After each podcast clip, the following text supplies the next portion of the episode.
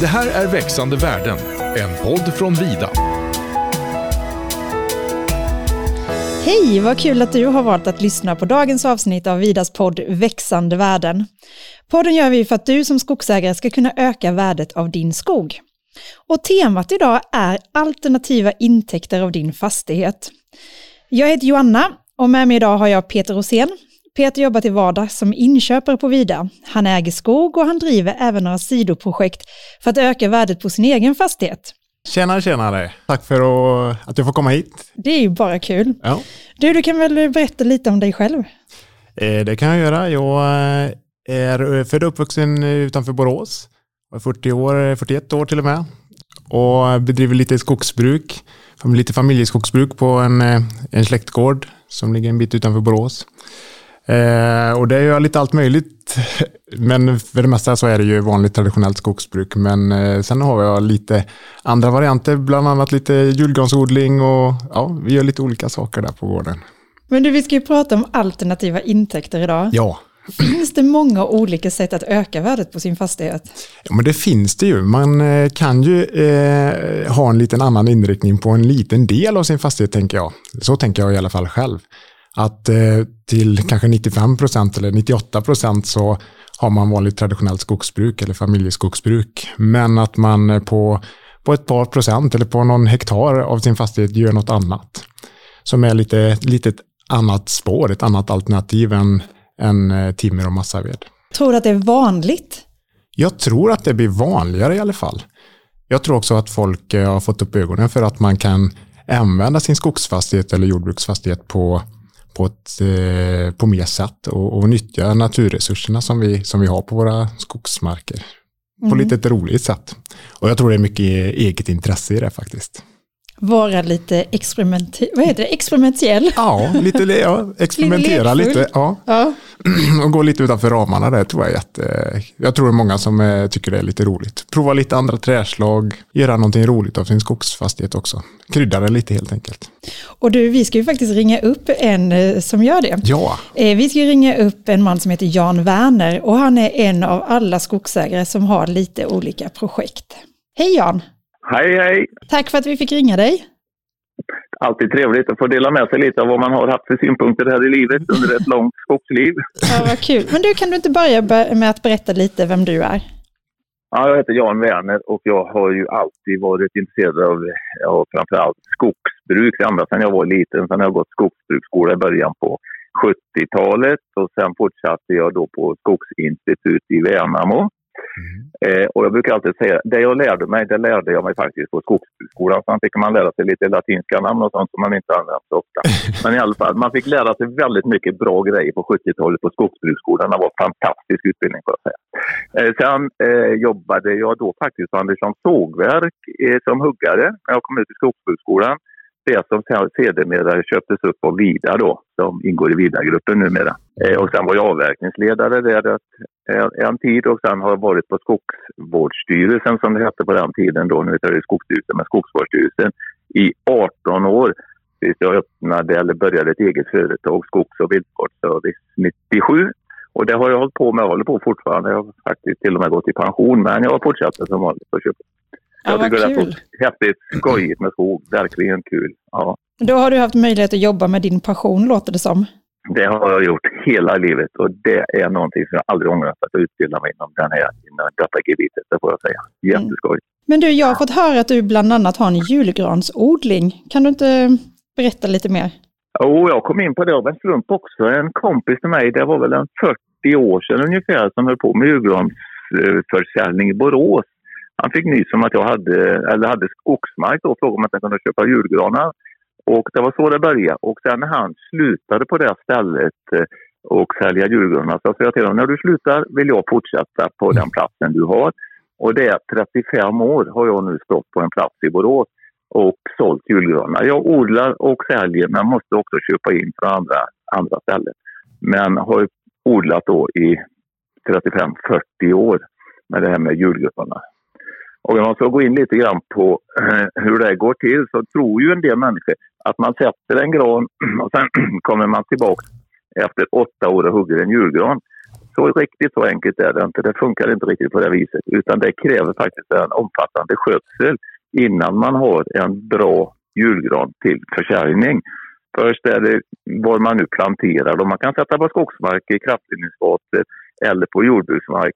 Och sätter man på gamla, äh, gammal jordbruksmark så måste man ju då eh, vara noggrann med att man har gräsbekämpat på ett eller annat sätt. Eh, och sen fortsätter det ju då att man bör, fortsätter då med klippning. Man måste klippa dem. Gör man ingenting utan bara låter granarna gå upp så kanske man får ett utbyte på 50-60 procent. Men går man och klipper lite grann i de som man ser inte kanske blir någon bra kvalitet på som julgran så kan man öka utbudet till kanske 85-90 procent. Så det är väl eh, göra den insatsen, man ökar utbytet och eh, förtjänsten väldigt kraftigt. Hur många minuter lägger du per gran och hur många gånger klipper du en, en julgran? Ja, eh, beror lite grann på hur de ser ut. Men säg att i genomsnitt så kanske du lägger ett par minuter per gran varje gång du klipper. Du kommer ju snart, du, har man väl lärt sig hur man ska klippa dem så kan man ju klippa rätt så fort. Men en del granar får man klippa flera gånger och en del, som man säger, naturliga skönheter ska man inte göra någonting åt alls. Utan många vill ha de här friväxande skogsgranarna som de säger inte har de här formklippta. Ser du lite trend i det också? Går det lite olika trender över tid i det John? Ja, det gör det. Det har varit många trender med det här med julgranar. Att när de formklippta kom, då var det väldigt attraktivt. Okay. Eh, men nu har det börjat gå tillbaka att man vill ha mera de här friväxande granarna som ser ut som ja, barndomens granar på något sätt när man var liten. Att de här lite glesare granarna nästan är naturväxta. Eh, de har vunnit i, i popularitet. Men en annan sak som kom också när jag började för 35 år sedan ungefär. Mm. Det var eh, kungsgranen som den kallas, eller kungagranen. Det var ju en, eller är ju en ädelgran av BS normanian, eller nordmansgran. Och den har ju tagit ett rätt stort eh, segment på marknaden, kanske uppåt, lite olika var i landet man är, men här runt där jag säljer den 35-40 procent är då den granen. Lite svårare att odla här uppe och kräver under alla omständigheter alltid att man hängnar in. Mm. Så att inte hjortviltet, framförallt älg och rådjur kan komma in. För det är det jag har mest men älgen kan vara jag hade en område här som jag hade planterat och skulle skörda och det kom in ko och två kalvar där. Ja. Jag hade ingenting att skörda på det området. Nej. Så jag äter dyrt älgkött, det kan jag säga. ja, men så ja. kungsgran, och, och, vad, eh, finns det några mer sorter av eh, julgranar som du, som du har här i, i odlingen? Ja, Ja, det finns en del. Jag har ju provat det här med blågran. Men den är jag, tycker jag inte är så det är jättetrevlig. Den är svår att transportera för den är hård i grenarna, går lätt eh, sönder. Mm. Och den luktar, jag säger alltid den luktar mycket gran säger jag till dem. Ja. Men den luktar kattpiss egentligen, men det kan man inte säga. Man ska säga. men den luktar mycket gran. Så det är några grejer som ligger i fatet på den. Så den har jag helt och hållet lagt ner. Ja. Sen har vi ju den eh, omorica, Pisia omorica också. Det är en serbisk gran rätt finväxande, smalväxande. I viss utsträckning kan den också vara intressant. Mm. Och sen när man ändå är inne på detta kan man ju också då nämna eh, Nobilis, alltså pyntegrönsgranen. Som man klipper, som trädgårdsmästarna klipper pyntegrönt av och gör kransar eller utsmyckningar då till olika högtider och sånt. Den kan också vara väldigt lönsam och det blir några få procent, kanske 50 procent, som blir julgranar. Kaskadgran kallas den också. De växer som liksom i väldigt tydliga avsatser, väldigt fin gran. Ja, de får jag för in varje år, säljer jag direkt. Så det är väldigt, men det blir väldigt liten procent ja, av de som blir bra. Lite svårodlade också. Lite frostkänsliga och lite sådär. Ja. Men majoriteten är fortfarande den klassiska rödgranen eller dansk rödgran? Ja, ska jag rekommendera markägare om man ska göra någonting av detta så ska man köra den vanliga julgranen. Man ska vara noggrann med att man får en proveniens. Det finns faktiskt julgransprovenienser mm. att köpa. Och, med, och får man inte tag i det så ska man under alla omständigheter ha en svensk ja, just det. proveniens. För vitryssarna växer för fort och av någon anledning vill de ha någonstans att hänga kulorna i. Det får inte bara vara toppskott. Utan man måste ha en bra välväxt gran då som sätter mycket grenar så att säga. Just det. Du, om, du skulle, sen, om du skulle ge ett tips till en skogsägare som har en, en fastighet och så kanske de har ett, ett eh, litet område, låt säga ett halvt hektar och vill eh, prova att sätta lite julgran. Vad, vad kan du skicka Mm. med för tips eh, till en skogsägare som vill testa det? Ja, att ogräsbekämpa först. Man kan göra det både mekaniskt eller med Roundup. Mm. Eh, Så att man har eh, så att de tar sig bra och att man inte får gräs som växer upp och då tappar man ju några år och sen börjar de sträcka iväg för långt utan man vill gärna ha med sig riset ända nerifrån så att det inte blir av på grund av ljusbrist att gräset eh, skuggar ner där så att grenarna dör ner, nerifrån. Ja. Eh, det är det första, bra eh, ogräsbekämpning. Mm. Och sen att man tittar, sköter om dem. Att när de är 1,3 meter ungefär brukar man säga, är det lagom att börja att klippa, formklippa dem om man ser att det är för långa årskott och sånt. Eh, och man kan faktiskt, till skillnad från eh, kungsgranen, kan man klippa toppskotten Ja, på en vanlig gran. Man brukar säga kanske inte mer än 40 procent av toppskottet. Men det kan man klippa ner till 40 procent och det är ju väldigt, eh, väldigt gott. Då går det upp en eller två nya eh, toppar. Då kan man klippa av den ena om det är några år kvar till man ska försä- försälja dem så att säga. Eh, Så att det är en viss skötsel i detta och sen också att man beroende på var man har dem, hur, god marken är, att man kan färggödsla dem lite grann också så att man får upp en bra färg. För att kunderna vill gärna ha en väldigt grön, vill ha en fin, fin grön gran med lite kraftiga barr. Just det. Och det Gula kan man få genom att och då är det framförallt kvävegödsling som man eh, gödslar med. Just det. Gula julgranar säljer inte lika bra. de, är rätt, de får man sälja när det regnar lite grann på kvällen. Just det. Du Jan, får jag fråga, hur länge måste en julgran växa innan man skördar den? Eh, De här, om vi pratar rödgran, alltså vanlig gran, de börjar man skörda kanske någonstans 8 till 10, 12 år. Och pratar vi om kungsgranen så är den, den stampar mer i början. Den tar längre tid innan den sätter igång och växa. Så det kanske man ligger på en 10 till 14 år innan den eh, är bra att skörda. Sen ska vi ha klart för oss också att man kan även släppa iväg eh, eh kungsgranen längre. För får man sådana som är 4, 5, 6 meter, då har man ett helt annat pris också för dem om man säljer. För det finns alltid kunder som vill ha de här kungsgranen som är 4, 5 meter långa. Och då har man ju ett helt annat pris på dem. Och säljer till Liseberg.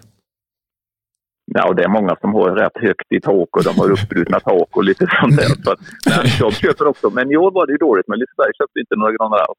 Nej, just det. Annars så är det ju sådana där som är stora, stora köpare också som vill ha stora fina granar. Jag sålde några sådana till lite olika ställen runt omkring här. Ja.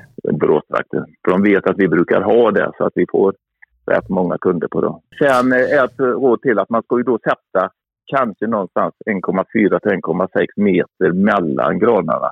Någonstans 57 Just 000 eh, plantor per hektar är, är lagom. Du Jan, jag har ju hört att du har en hundanläggning på din gård också.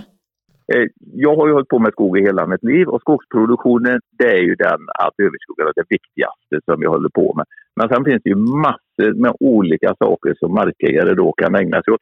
Lite grann beroende hur gården ser ut och var den är belägen.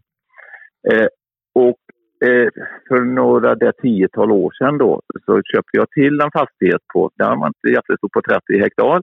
Och den låg så till att den låg sista stället på vägen fanns ingen bebyggelse i närheten. Det var en halvö, ingen bebyggelse vid den sjön. Eh, och har hållit på, jag har hållit på med hundar eh, i många, många år. Och sen eh, 2000 med retrievers, alltså eh, labrador retriever och flätkodig retriever. Och Den typen av hund som är en apporterande hund. Och jag har ju insett att det finns ett väldigt stort behov från de, de här människorna som håller på med de här hundarna att få komma ut på ställen där de kan få med sig sina hundar. De kan bo på stället, de får inte några, åka några resor för att få, få träningsmarker. Och eh, den servicen som de vill ha med även med att jag tar in tränare då ifrån Danmark och Ungern och Finland och överallt ifrån så att de får, köper hela konceptet. Hur var det det kom sig med? Gick du någon kurs vet jag du har berättat någon gång va? Någon, någon lantbruksutvecklingskurs och så? Ja, liksom det- ja, vi gick, ja vi, eller det var min sambo som gick en lant, landsbygdsutvecklingskurs i Länsstyrelsens regi som var väldigt eh, trevlig och lärorik också. Där var det massor med olika grejer. Eh, allt ifrån att öppna kaféer till att odla blåbär och allt vad det var. Och de hade många bra idéer, men en grej hade de missat där och det var de sa till alla att om ni ska få några kunder så måste ni ha så och så. Varje hus måste ha dusch och toalett och hit och dit. Den, den kundgruppen som jag ägnar mig åt, eller som riktar mig till då, hundfolk, de vill kunna bo på samma anläggning tillsammans. Det är det viktigaste, ha sina hundar med sig in på rummen och hit och dit. Och sen att de får gå till en hygienanläggning precis som på en camping där man har duschar. Är mm. helt underordnad betydelse. Eh, så att det hade de inte riktigt kläm på. Och jag kan nog säga att vi som gick på den här eh, lantbruksutvecklingskursen så är det väl den här kursen som har kanske lyckats bäst med att inrikta sig på hundar. Och eh, då kommer vi nästan in lite grann på en annan grej som jag tycker också är väldigt viktig och det är kräftor. Just det, det är lite specialintresse får man väl säga. Jag har varit hemma hos dig Janne och, och du har ju lite gamla sådana här brevpressar som är gjorda av gjutjärn eh, som är kräftor då. Som du samlar ja, lite på, ja. visst är det så? Ja, vet, jag samlar. Jag har alltid varit intresserad sedan jag var liten och min pappa och hans pappa i sin tur har alltid fiskat kräftor. Så att det har varit en stor del i mitt liv att fiska kräftor. Och sen har vi också grävt mycket olika dammar. Och när jag är ute, jag håller på med detta med skogs och viltvårdsservice som mitt företag heter. När jag är ute hos markägare så ser jag vilken potential det finns på många ställen. Jag förstår inte varför de inte har dämt upp och gjort en våtmark eller grävt lite kraftdammar eller gjort si eller så. så man måste titta på varje fastighet utifrån den fastighetens eh, möjligheter, vad man ska utveckla. Ja, och det här med kräfter då, det har jag haft många med, med mycket kräftdammar på den fastigheten jag bor och även gjorde jag det direkt på den vi köpte till där vi har hundkurserna. Och då ger det ju... Du frågade mig innan där Peter om det var någon förtjänst på detta och jag ja. har ju kompisar också som säljer kraftigt ur dammar alltså till, till, till fiskhandlare och sånt i närområdet. Och jag gör så där jag har de här hundkurserna. Jag har väldigt mycket folk från Tyskland och Danmark och Norge. De har inte en aning om vad detta är. Mm. Och de tycker ju det är jätteskojigt när man går igenom lite grann en svensk tradition som detta är sedan väldigt långt tillbaka i tiden med kräftor. Går igenom med dem hur, man, hur detta funkar. Vi fiskar då i sjön så vi får betet. Vi lägger i kräftburarna så de får med och fiskar. De tycker att det är fantastiskt. Och så kokar vi dem. Och sen pratar vi lite, lite om eh, historiken i detta folkomröstningen så Albert Engström och hela den här biten då liksom att kräftor kräva dessa drycker. Och sen har vi en liten kalas på kvällen. Och förvånansvärt, jag vet ju, jag brukar alltid satsa på att har jag gäster, tio kräftor per person är lagom när det gäller svenskar. Jag körde samma när jag hade tyskar. De mått rent och så sa de nästa år måste vi ha mer krafter. jag tror de, menar, jag tror de skulle... Den, ja, jag, jag tror de skulle önska mer nubbe. ja, det är kanske det. oh, jo. Så, att, eh, nej, så det är också jättetrevligt. Det finns förutsättningar, men man ska vara noggrann med att man också där tittar så att man har rätt kvalitet på vattnet om man ska göra en, om man ska göra en produktionsdamm som de kallar det man får skilja på detta med våtmarker och med, damm, med vanliga dammar för fisk och kräftor och sånt. Det är helt olika saker egentligen. Men om man ska ha en kräfta så ska man titta då noggrant på vattenkvaliteten mm. och botten, hur den ser ut. Sen är det liksom bara att köra. Och att man inte, självklart inte att det är bottenfrus eller sånt. Men vatten finns som regel alltid tillgång till här i de här trakterna. Att man, är det någon svacka eller någonting så finns det. Det behöver inte vara att det är något bäck som rinner igenom. Utan många gånger så räcker det med grundvattendammar. Det låter Jan som att du har fullt upp. ja, ja, det har jag. Och det trivs jag med. För detta är ju sånt som jag brinner för, som jag tycker är skoj. Och de flesta markägarna som jag träffar, de brinner ju för detta med skog och utveckla en fastighet och vad de kan hitta på för skojiga grejer. Och, och jakten är ju också en stor del i detta då. Spännande som sagt. Lycka till med dina projekt och tack för att vi fick eh, ringa upp och prata med dig. Jättetrevligt. Du Peter, det var ju en eh, driven man. Vad säger du om det han berättade? Ja men verkligen, Nej, men han eh, har ju många järn i elden. Mm. Och eh, det är mycket intressanta saker, många intressanta inslag. Det här med julgranarna har jag väl en, en egen liten twist på där. Eh, jag har också ett häng där jag har lite kungsgranar. Okej. Men det här hängnet det byggde jag från första början för att eh, odla lite hybridasp. Mm. Eh, och i hängnet så har jag blandat hybridasp och kungsgran. Hybridaspen växer ju väldigt fort. Kanske går att sluta verka efter 30 år. Medan då kungsgranarna tar, precis som Jan sa här i inslaget, att någonstans 10 till 14 år innan det är en, en julgran, en kungsjulgran. Då. Så jag tänker att hybridaspen ska få gå först och växa upp snabbt och så under det här skärmen med hybridaspar kommer de här kungsgranarna. Då. Det är lite spännande. Ja, spännande. Men vad går det timret till hybridasp? Eh, hybridasp kan man göra tändsticksvirke av då. Så eh, det finns en marknad för det och det som inte blir tändsticksvirke blir eh, massaved då. Askmassaved. Just det. Så det finns en liten eh, potential där. Eh, och så är det en kort omloppstid om man jämför till exempel med gran och tall då, som kanske är Verkligen. 60-70 år så gör man detta på kanske 30 år istället då. Mm. Men det kräver att man hängnar, eh, att man sätter ett häng runt för annars så är älg och rådjur och vilt på det helt enkelt och betar ner det då. Mm. Ja, det hade ju Jan också erfarenhet av. Ja, det är ju så. Vilttrycket är hårt på vissa ställen. Men är du sugen på att göra något annat på din fastighet?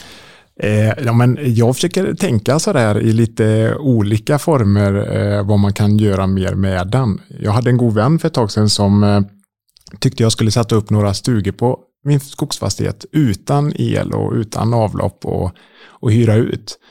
Jag sa det, tror du verkligen man får det ens uthyrt? Men han var helt övertygad om att eh, ja, tyskar, andra europeer ser det som exotiskt, det som vi kanske tycker är lite obekvämt om man säger så. Då. Ja, så steget eh, efter camping egentligen, lämna tältet, Ja. du har fasta väggar men du har egentligen inte mycket mer än så då. Why not? Mm. Det kan vara ett, ett uppslag. Jag har också en i vårt jaktlag faktiskt som gör en rätt intressant sak. Han eh, eh, har en bi, bin och odlar honung. Biodling säger man. Mm. Eh, hela jaktlaget köper honung av han eh, varje älgjaktssöndag där. Eh, och eh, på så vis har han en liten bisyssla till sin eh, skogsfastighet. En liten bisyssla. En liten bisyssla. Det är härligt. Snyggt. Du, nu tänkte jag att vi ska ringa upp ytterligare en kollega till oss och det är Lars Sällström som också jobbar som inköpare. Hej Lars! Tjena, hallå! Hej! Nej. Du, du har ju skapat en anläggning hos dig. Vad är det du erbjuder? Ja, vi är ju ganska breda idag eh, inom ekoturismen och besöksnäringen som det har blivit. Så det, det är svårt att säga liksom, en, liksom en, vi är nischade, det är vi ju. Men vi är ganska breda och det gör ju också att vi inte är så sårbara idag. Men det är så mycket annat så började det ju med en, en liten slump en gång för 30 år sedan. Och det är, du har stugor, du har jakt, du har fiske. Ja, vi har ju eh, hela det konceptet. Vi bor ju i, vi bor ju mycket fördelaktigt på grund av att vi har ganska mycket vatten och sjöar och, eh, runt omkring oss. Och det gör ju att fisket är ju den stora biten i, i vårt område. Och eh, det gör ju att det är än lättare då att kombinera fisket med boende, maten, transporter, allt som vi kan liksom erbjuda för att det ska bli en helhetskonceptprodukt eh, mot kunden. Och det är ju också fördelaktigt för då vänder de sig exempel till, oss och där vi då skräddarsyr hela paketet till dem och eh, där de får en hög service som många ja, uppskattar och vill ha idag. Är det framförallt svenska eh, kunder eller är det utländska? Ja, det är en, ja, sen pandemin började så givetvis har det ju blivit än mer svenskar som har fått upp ögonen för många av sådana här platser i Sverige. Men ehm, tack vare också att vi bor nära kontinenten, Europa, Danmark, och det gör ju att vi har mycket utländskt besök och många gånger från ja, nästan halva världen. Eh, Så vi har haft besök från många olika nationer. Ja. Och det är det som är spännande. När man träffar människor från alla, alla andra kulturer och traditioner. Och det berikar en väldigt mycket. Ja, vad kul. Får jag fråga där bara, var det, var det fisket som gjorde liksom att du kom igång med de här stugorna och så, eh, Lars? Där, eller hur började det egentligen? Eller? Ja, det, det, det, ju, det var ju en generationsskifte som många, som många andra också står inför och har gjort. Och det ju att när man är nystartad så behöver man kanske många gånger lite extra kapital in i verksamheten mm. eh, för att vidareutveckla. Och många, som då, man hade en stuga, en gammal stuga som renoverades så kunde man ju börja hyra ut den. Ja. Och då blev det ju jakten. För jakten har man ju regel eh, ja. på sin fastighet och man kan börja erbjuda det. Och just med korttidsjakten när du styr, styr jakten, du styr reglerna själv så är det ju en enkel, ganska enkel grej att börja med. Ja. Och eh, du kan erbjuda en aktivitet som jakten. Eh, du sätter reglerna och du har ett litet boende. Och då är, det är ju liksom i grunden som vi började en gång i tiden. Ja, okay. Och sen återkommer ju de här gästerna året om efter för de var nöjda och sen blir det lite fler och sen helt plötsligt så de här två blir fyra, blir åtta, blir... Alltså det, det blir lite små ringar på vattnet som blir större och större och sen då på dagen till exempel, ja då ville de gå till någon sjö, ja då började vi fixa med lite bryggor, båtar.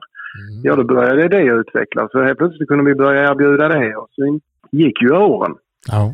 Och helt plötsligt så kom ju någon, en företag som ställde frågan att ja, skulle vi kunna komma hem med vår personal till er? Och då får man börja anpassa sig till det. Och, liksom, och då när vi då insåg att ja, vi klarade av det också, catera in mat och fixa liksom det de önskade. För det, det var ju de som ställde frågan och då, då anpassade vi oss också lite efter vad kunden eh, förfrågningar var och deras önskemål. Mm. Och oftast passade ju det då in till nästa grupp och nästa grupp. Och, och då blev det liksom en ny kategori där som gjorde att vi kunde börja mer eh, spetsa oss mot företag och vidareutveckla det än mer. Hur många stugor har du idag? Ja, sen har vi då byggt ytterligare eh, hus. För vi, man egentligen, förr i tiden kanske man mer kunde hyra ut friggebodar och lite så här, men idag vill folk överlag ha väldigt hög standard på sitt boende för det är en så viktig del i sin, ja, sin rekreation, sin semester, sin vistelse. Så att våra hus ligger idag ungefär på ja, mellan 80 till 100 kvadratmeter och eh, vi har 32 bäddar totalt. Och gamla höloft, magasin, allt sånt där det har ju byggts om till boende idag. Eh, för att, ja, det har gjort att vi har fått än mer liv i de gamla byggnaderna som är över 200 år gamla. Mm, det är kul att de har en... kunnat tas tillvara. Ja, det är ju lite det som är inspirerande med liksom att som här då vi har gamla byggnader som är byggda i slutet på 1700-talet, sådana här gråstensstallar och de har bara stått tysta i, i typ en hundra år. Men nu helt plötsligt när vi har förändrat har de ju fått liv igen. Men i den här gamla miljön. Det gör ju att vistelsen blir ju än mer eh, trivsel, alltså med hög trivsel mot gästerna för de får ta del av en gammal historia. Den gamla miljön är bevarad men du kombinerar den nya tekniken, eh, standarden i den här miljön och det gör ju liksom att kontrasterna blir så stora som gör att upplevelsen blir också speciell. Och eh, det är väl det som har gjort också lite att vi har haft en liten tråd genom hela verksamheten att det ska vara enkelt men det ska vara jädrigt bra. Det, det uppskattar också många människor. Nej, du säger vi. Vilka är vi? Ja, det är ju familjen framförallt. Det är jag och min fru som har hållit på med detta nu i 30 års tid. Och sen har vi ju givetvis många samarbetspartner för man kan ju inte ha allt själv. Men, men har man då lite olika samarbetspartner, personer som man eh, som ja, typ med maten eller transporten eller några andra aktiviteter som man kan baka in i sin verksamhet. Det gör ju att vi kan erbjuda än mer. Och tillsammans har vi då ett, ett koncept som blir unikt. Och samarbete är också A och O för att lyckas. Ehm, och då får du ju också igång en mer levande landsbygd, du får igång mer personer som delar på samma kaka. Och det, det, det, ja, det är inspirerande bara det. För att ehm, till ett, eller till ett företagsevent så kanske det är fyra, fem andra personer som man köper in tjänster åt och då levererar ju alla på topp. och då blir det ju att den dagen blir också en hög kvalitet på överlag.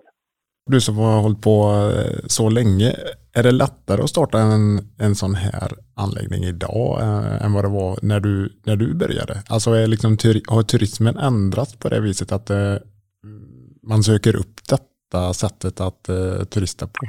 Ja, det är ju det att många, man börjar ju ofta i en liten verksamhet. Ja. Man, man, man har kanske en idé, man har en, en, en tro på någonting och sen börjar man med det och sen maler man liksom på med det här och, som, och, och sen blir det ena det andra. Men som vi då, vi började i en sån liten, liten, liten skala för att det var egentligen bara rena slumpen.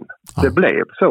Mm. För jag hade varit i Tyskland och jagat och sen kom vi hem, och, eller förlåt, jobbat och sen kom jag hem och så tog jag över gården och så satte jag in en annons i Tyskland för just det här att få in lite extra kapital.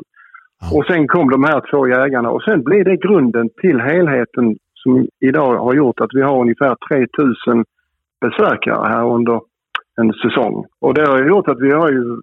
Att det, kom, det kompletterar ju då vår, skogen och eh, de var ju liksom, det är ju ryggraden i verksamheten men på grund av att vi har både skogen och turistverksamheten idag så gör ju att det blir ju att man är inte så sårbar heller. Man är mer trygg i sin verksamhet, man har ett annat kassaflöde. Mm. Men just tillbaka till din fråga.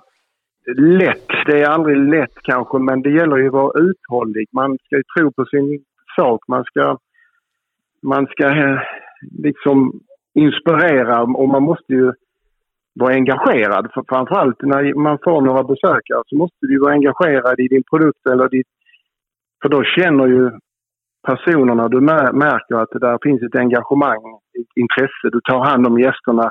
Och sen vad den, vad, vad den är du har så är det liksom grunden också i det hela. Inspiration och engagemang. Men eh, uthållighet, det är ju en av grunderna. Att man liksom tror på sin sak. Och det är många gånger det, det kanske man, det går inte så bra. Man, det, man, man får kämpa på. Sen går tiden och sen efterhand så oftast så går proppen ut och sen rullar det ju på. Men uh, uthållighet är ju en, en grundbult i det hela. Mm. Ja, det är viktigt. Har du några andra framtidsplaner för din fastighet? Hela tiden kanske? Ja, det finns ju alltid. Eh, alltså, det är ju, vi då och jag, vi är ju, när man då är intresserad och ser sig om och man, till exempel man vet om andra människor som är inspirerade av sina grejer och man liksom tänker den här människan måste jag ta kontakt med. För kanske helt plötsligt så, för att man kan samarbeta och man kan baka in deras koncept i vår verksamhet. Det gör ju att man hela tiden utvecklas och lär sig. Och är man då ute i världen och reser som det var innan när det fungerade, då blir man ju väldigt inspirerad av just andra kulturer och traditioner som gör att de där grejerna, ja, de är kanske inte så dumma. Och så kopierar man ju lite i det och tar det med sig hem. Eller om man är hos några andra på studiebesök så tänker man, ja men det där var inte så dumt. Det kanske jag kan göra, men i en annan vinkel på sin verksamhet. Så det är jättebra att se sig om och, besöka andra och få lite idéer. Och, äh, men, äh, men börja lite smått och sen äh, mala på efterhand så som regel blir det bra för då hinner man med själv. Mm. Och många gånger och, och, och, se vad man behöver förbättra och förändra för att, för att det ska liksom en, bli produkt utav det i slutändan. Det låter ju som att det tar ganska mycket tid i anspråk av dig och din det gör det, fru. Det gör det. Det gör det. Men vi, att vi har kommit till den nivån vi har gjort idag, det har tagit oss 30 år. Mm. Och idag, och vi hade ju tur att vi började med detta en gång i tiden och vi är där vi är idag. För de som håller på, eller som vi då, har ju då blivit att vår produkt är väldigt eftertraktad idag när många människor, ja, vi lever i ett stressigt samhälle. Många vill söka sig ut i naturen för att få en avkoppling, få en återhämtning. Eh, och speciellt idag när vi har en eh, epidemi där, där folk kan umgås ute med de här eh, eh faciliteterna vi har, till exempel med utomhusaktiviteter, det gör ju att belastningen på oss blir än mer idag. Och vi behöver än mer samarbetspartner som kanske kan avlasta oss och hjälpa oss för att eh, hålla ihop. Så att, eh, så att eh, nej, så det, Mm, jag förstår. Du, det känns som att du börjar närma dig någon typ av högsäsong nu. Att du går in i den. Det, det börjar ju nu, ja. Det, påsken brukar alltid vara en sån här helg där alla vill ut och, och naturen och fiska och, och ta hand om sig själv och njuta med familjen och sen rullar det på. Mm. Och det gör att nu är det fullt ös. Och många just med för, företag med och ledningsgrupper, de vill ju också ut och ha något avslut innan semestrarna börjar. Så att eh, här nu innan juni så har vi ju det, det, finns inte ett veckoslut. Det, vi försöker pussla på alla sätt här nu för att få ihop och ändå kan hjälpa grupper på olika sätt. Vi liksom slussar dem vidare till andra samarbetspartner för att inte tappa kunden. Ja, precis. För då har vi också hjälpt kunden till ett annat. Kanske de inte hade möjlighet att komma hit men de fick någonting annat. Till nästa år så kommer de många gånger tillbaka och säger ja men du hjälpte oss, ni fixade oss, men kan vi komma i år istället? Alltså då vinner du kundens förtroende och det gör ju att, att de alltid kommer tillbaka. Mm. Och sen blir det ju familjesemestrarna mellan sem äh, midsommar till slutet på augusti och sen börjar ju hösten med alla äh, arrangemang då med fisket igen och jakterna och fågeljakterna och ja, äh, helheten där. Som, så vi är ju stort sett fullbokade nu till november. Ja, men det låter kul. Kul att det är så många som vill besöka er och som återkommer. Ja, man trodde väl aldrig att det skulle bli, något, att det skulle bli detta utav det när man började på en gång i tiden. Men det, det är lite det som inspirerar oss och där man får en energi utav. Det är ju att man får människornas eh, glädje och uppskattning. Det är det som gör många gånger att man, att man orkar och, och ge så mycket tillbaka. Men du, stort lycka till med eh, er säsong och eh, tack för Ja, att vi fick ringa och mycket. prata med dig. Ja du Peter, väldigt Mm. intressanta och engagerade personer vi har pratat med. Verkligen, det får vi säga. Eller hur? Intressant att höra deras eh, livsstories egentligen och hur de har eh, tagit sig fram i det här. Mm. Och hittat ett, ytterligare ett ben i skogsbruket då, eller till skogsbruket då. Ja, ett komplement. Verkligen.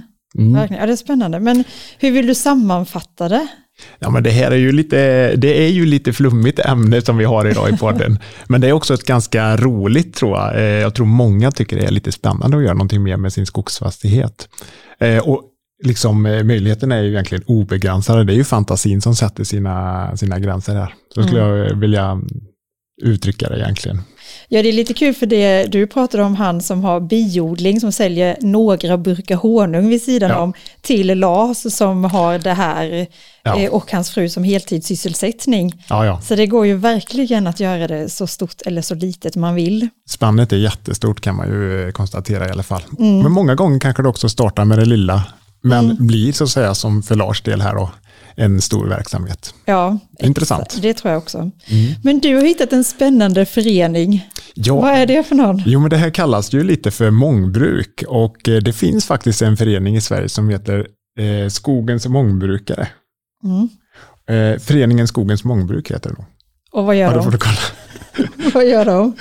Eh, jo, men de, eh, det är en, grat, en förening som är gratis att vara med i och eh, där får man mycket tips och tricks om man vill eh, hålla på med lite mångbruk till sitt till exempel skogsbruk. Då. De har bland annat en intressant eh, hundralista där, där de eh, nämner hundra olika saker som man kan göra som komplement till, till sin eh, verksamhet och till sin skogsbruk. Ja, du och jag tittade ju lite på den. Var Ja. det någonting du fastnade för? Ja, men det var ju många av de här som vi haft uppe lite här då. Biodling, tillverka kol är ju faktiskt en del som eh, pysslar med. Eh, sälja ved är ju också ganska en vanlig del, alltså ett, ytterligare ett ben. Lite vedförsäljning. Men en som vi fastnar lite för, som vi tycker är lite intressant, som är lite rolig, men den är svår att ta på, det är det här med skogsbad. Har du testat det? Nej, jag har inte testat skogsbad. Jag har läst om det, men eh, nej, jag har inte riktigt gjort det. Nej, inte jag heller. Jag har också läst om det, men det verkar ju vara någonting som är lite på tapeten, får man väl ändå säga. Ja, det tror jag. Sen kanske det är svårt att eh, ta betalt på det och, och få ut någonting, eh, liksom en inkomst eller intjäning av det då. Men, om någon startar Peter, då är du och jag där först och betalar i alla fall. Absolut, vi får Ja. dit och checka och kolla detta. Det låter det väldigt vi. intressant. Skogsbad, det får man lägga på minnet. Var det något annat du hittade? Eh, ja, men det fanns flera olika saker. Det där med julgran har vi varit inne lite på. Eh, och eh, och eh, nej, men in och kika på den listan där tror jag helt enkelt. Mm. Eh, så kan man få lite inspiration. In och kika, få inspiration. Och det finns ju jättemycket att göra bara man har intresset och drivet. Så är det ju. Ja, så är det. Tack för att ni lyssnade idag och eh, både jag och Peter vill önska er en trevlig påsk så hörs vi igen nästa vecka. Då pratar vi om problemet med granbarkborre. Skicka gärna dina frågor till podd.vida.se. Ha det fint, hej då! Hej! Det här är Växande värden, en podd från Vida.